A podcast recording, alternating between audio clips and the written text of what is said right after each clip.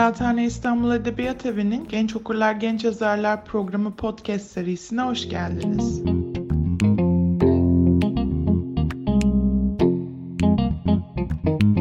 Kıraathane İstanbul Edebiyat Evi'nden herkese merhaba. Genç Okurlar Genç Yazarlar programının öğrencilerinden Açelya ben. Genç Okurlar Genç Yazarlar podcast serisinin ikinci bölümüne hoş geldiniz.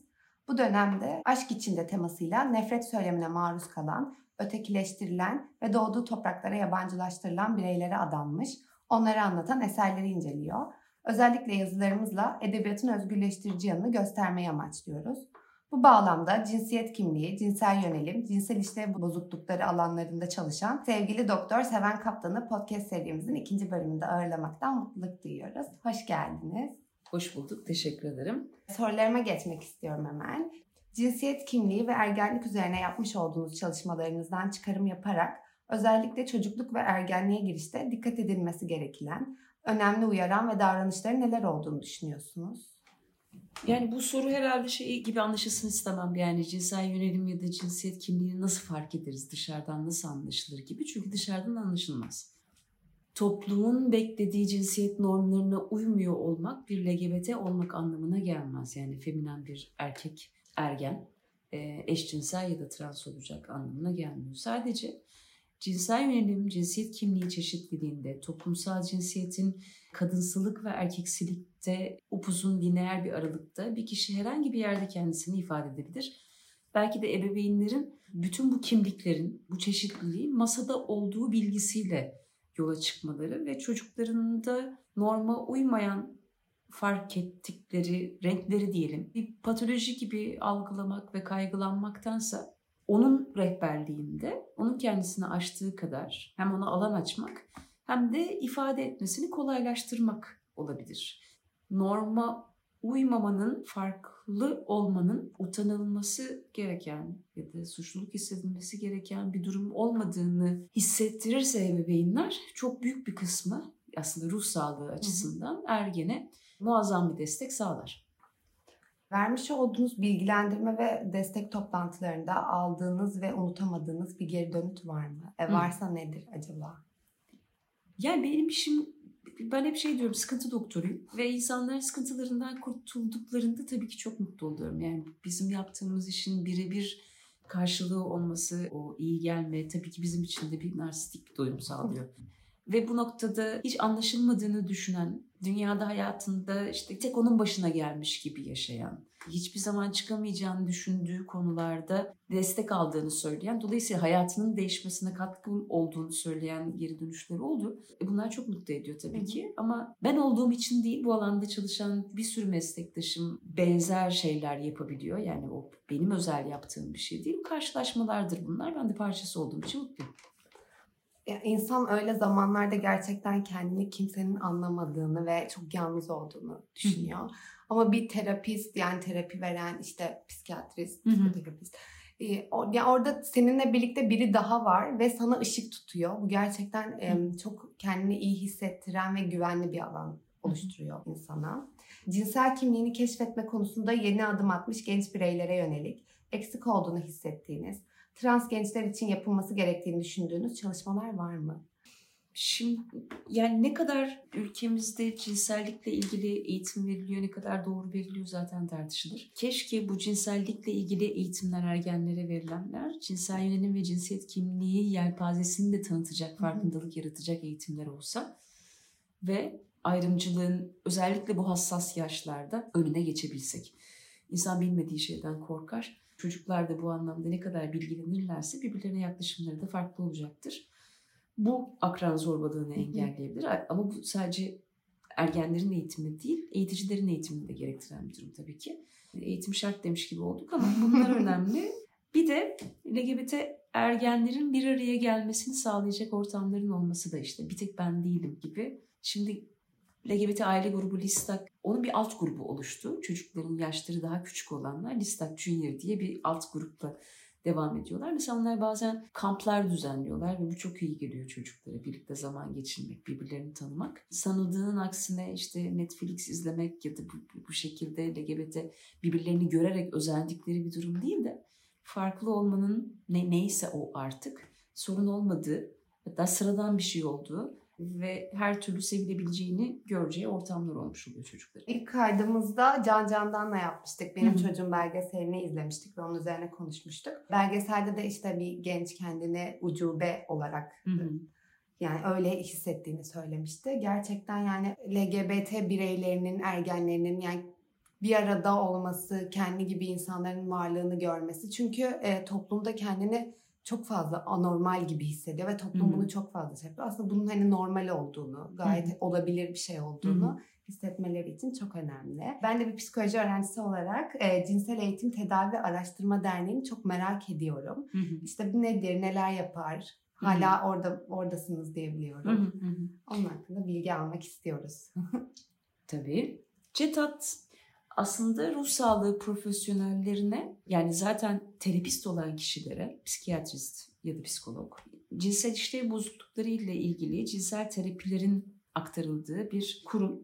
İki eğitim parçasından oluşuyor. Birinci parça aslında daha çok cinsel danışmanlık hizmeti veren, ikinci kısımda cinsel işlev bozukluğunun tedavilerinin öğretildiği bir kısım. Danışmanlık olan bölümde sadece terapistler değil, e, ne bileyim işte psikiyatri hemşireleri, pederi uzmanları, jinekologlar vesaire çocuk psikiyatristi bunlar da katılabiliyor. Diğer kısma sadece terapistler katılabiliyor. Ben de 2010'da sanırım CETAT'tan mezun oldum. Orada da şu an ayrımcılık biriminde hem görevlerim var bir yandan da LGBT ile ilgili dersleri veriyorum. Genç translar ve ergenlik çağında kimlik arayışında olanlarla çalışmaya ne zaman karar verdiniz? Ardında somut bir gerekçe var mıydı? CETAT'ta eğitim aldığım dönemde Profesör Doktor Şayka Yüksel'le tanıştım ve o zaman İstanbul Tıp Fakültesi'nde Çapa'da bir trans grup yapıyordu kendisi. Ve ben de gruplara katılıp katılamayacağımı sordum, merak ettim e, bu grubu. Ve gruplara katıldıkça aslında tez çalışmamı da bu alanda yapabilir miyim diye düşündüm. İşte Şahik Hoca ile konuşmaya başladık ve aslında Türkiye'nin ilk tezini yaptık translarla ilgili ilk tezini yaptık. Bu grupla çalışmam biraz öyle başladı. Çok eş zamanlı olarak e, az önce bahsettiğiniz Listak CETA'da ulaştı ve biz de dışındaki gruplar gibi bir destek terapi grubu oluşturmak istiyoruz dediler. Ve o dönem CETA'nın yine hocalarımızdan Nesrin Yetkin beni seçti. Seven sen e, işte trans grup yapıyorsun, deneyimlisin, bu alanda da çalışıyorsun. Gel e, grubu beraber yapalım istersen dedi. Ben de atladım tabii ki seve seve dedim. Ve süreç öyle devam etti. Ayrımcılığa karşı azınlıkların haklarını savunan, hani insan haklarına önem veren bir politik duruşum da olduğu için herhalde arka plan, planda belki de böyle bir e, yapı var. Bu alanda çalışmaktan da hep mutlu oldum. Süper. Güzel. Cinsiyet uyum süreci bireyler için de oldukça zor bir süreçken trans pozitif bir bakış açısı yaratma bakımından ailelerle çalışmalarınız oluyor mu? Hem trans gençler için hem de aileler için ne gibi aksiyonlar alınması gerekiyor? Ailelerle bu bahsettiğim e, lista CETAT işbirliğinde ayda bir 2008'den beri grup toplantılarımız devam ediyor. Her ayın ilk perşembesi. Pandemi nedeniyle online yapmaya başladık. Bu bir yanıyla iyi oldu. Hani yurt dışından ya da Türkiye'nin farklı yerlerinden İstanbul dışı bize ulaşamayan kişilerle de temasımız oldu. Aile desteği çok önemli kişinin ruh sağlığında özellikle ergenlikte. Çünkü bu azınlık grubu diğer azınlıklardan farklı olarak kendi evinin içerisinde de azınlık. Yani atıyorum Aleviler sülalecek Alevisiniz ya da işte Ermeniler vesaire. Ama eşcinsel olunca ya da trans olunca o dört duvar arasında bir tek siz öylesiniz. O yüzden kendi eviniz size bir zindan olabiliyor ya da oradan gelecek destek hakikaten sırtınızın yere gelmemesini sağlayabiliyor. O yüzden özellikle listan çalışmaları çok kıymetli. Görünürlük çok önemli. Yani LGBT çocuklar, LGBT'liler. Bunlar uzaydan gelmiyorlar. Yani hepsinin anne babaları var. Hepimiz gibi insanlar. Ve, ve her yerde tüm doğallığıyla yaşamlarına devam ediyor insanlar. O yüzden bu görünürlük çok kıymetli. Yani bazen şey sanıyorlar hani gerçekten bir anne babadan değil de ağaçtan yetişmiş gibi. Evet. evet. Cinsel kimlik karmaşası yaşayan bireylerin birçoğu kabulleniş süreçlerinde oldukça korku ve mental anlamda çöküntüde olduğunu dile getirmekte. Sizce bu bireyler bu aşamada nasıl bir yol izlemeliler? İnternetteki kaynaklar nispeten çoğalması kişinin işte az önce bahsettiğimiz gibi hani bir ben bizdeki buran durumu yaşamamasında katkı sağlıyor. Sanıldığının aksine işte televizyon dizilerinde daha çok rol almaları LGBT kimliklerin işte Netflix çocuklarımızı eşcinsel yapacak, trans yapacak gibi bir endişeye sevk ediyor. Ama bu çok yersiz.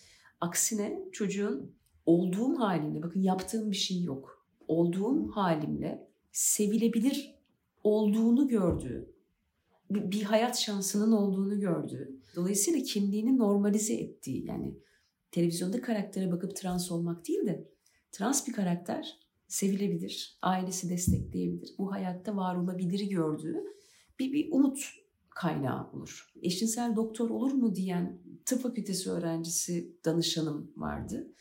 E, bu, bunun olabileceğini görmek, var olabileceğini görmek hayati bir değere sahip bir yanıyla da. O yüzden görünürlük çok kıymetli.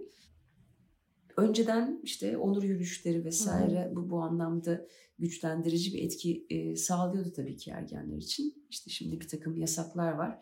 Daha da arttırılmaya çalışılıyor. Ama bu kaynakların geliştirilmesi, göz önünde olan figürlerin artması bence kişinin kendini olumlama sürecinde en önemli faktörlerden biri. Bir de bilgilenme işte. Yani o bilgilenme azınlıkların arasındaki mesafenin azalması, dirsek teması kurmak kaygı ve korkuya en iyi gelen şey. Evet, dayanışma yaşatır. Evet. Hepimiz özellikle Türkiye'de LGBT'yi bireylere karşı uygulanan mobbinglere yakından şahidiz. Hı hı. Ee, bu nedenle toplumsal açıdan böyle bir konuda çalışmak sizin açınızdan nasıl bir deneyim? Karşılaştığınız zorluklar nelerdir ya da böyle bir zorlukla karşılaştınız mı öncelikli Hı hı. olarak? Çalışma hayatımda bu açıdan kariyerimi etkileyecek anlamda hani bir, bir ayrımcılığa maruz kalmadım bu alanda çalıştığım için. Bu benim için şanslı.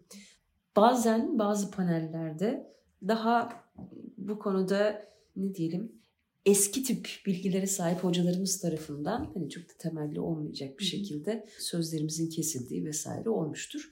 Ama bunların sayısı giderek azalıyor. Yeni bir nesil geliyor ve daha bilinçliler. Bilinçliler derken benim bildiğimi, bence bir şeyi anlatmıyorum. Bilim diye bir şey var ve bu, bu bilim hani test edilebildiği için bilim diyoruz. Bence demiyorum. Bütün dünya bilimsel olarak neye doğru, neye yanlış diyorsa, neye hastalık diyorsa biz de onu uyguluyoruz aslında. E, gençler de daha yeni nesilde bilimsel verileri daha yakından takip ediyor. Son dönemlerde yapılan ne diyelim ayrımcı tutumlar LGBT'lere karşı biz sağlık çalışanlarına da yönelik şiddete dönüştüğü noktaları oldu. Sevgili arkadaşım doçent doktor Koray Başar bir nefret saldırısına maruz kaldı. İnternette öncesinde işte LGBT'lerle ilgili çalıştığı için linç edilip çeşitli gruplarca. Sonrasında böyle bir maalesef şiddet eylemine maruz kaldı. Bir yakın zamanda işte bir takım videolar vesaire hani adını söylemeye gerek yok grupların. Benim de zaman zaman hedef alındığım oluyor. Bunlar tabii ki hani olmaması gereken şeyler.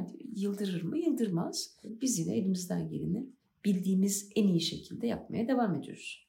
Cinsel yönelimler konusunda öğretici bulduğunuz, mutlaka okunması gerekir, izlenmesi gerekir dediğiniz, tavsiye edebileceğiniz kaynaklar nelerdir? Biz öğrenciler için de. Biz bir şey hazırlamıştık. CETAT'ın internet sitesinde var eşcinsellik dosyası. cetat.org.tr'de kütüphane bölümünde onu indirebilirsiniz. O Türkçe güzel bir kaynak. Histen Cinsel Çeşitlilik diye bir kitap çıkmıştı. O güzel bir kaynaktır. Onun dışında edebiyatta aslında hani kimlikleri işte tanıtan, işte başka bir hayat mümkün ya da işte insanların hikayelerine o dirsek temasını hayal gücünüzle birleştirerek ulaştıran bir alan. Ne bileyim Middlesex aklıma geliyor. Başka da muhakkak vardır da bunun gibi kaynakları önerebilirim. Çok teşekkür ederim. Seven Hanım'a tekrardan aramıza katıldığı ve keyifli sohbeti için teşekkür ediyorum. Kıraathane İstanbul Edebiyat Evi'nden Genç Okurlar, Genç Yazarlar podcast serisinin ikinci bölümünü dinlediniz. Ben Açelya, yayında ve yapımda katkılarından dolayı Kıraathane bünyesine ve Genç Kıraathane'nin diğer öğrencilerinden İrem, Zeynep Ceren ve Gülten'e çok teşekkür ediyorum. Genç Kıraathane olarak bir sonraki görüşmemize kadar kendinize iyi bakın, aşk içinde kalın.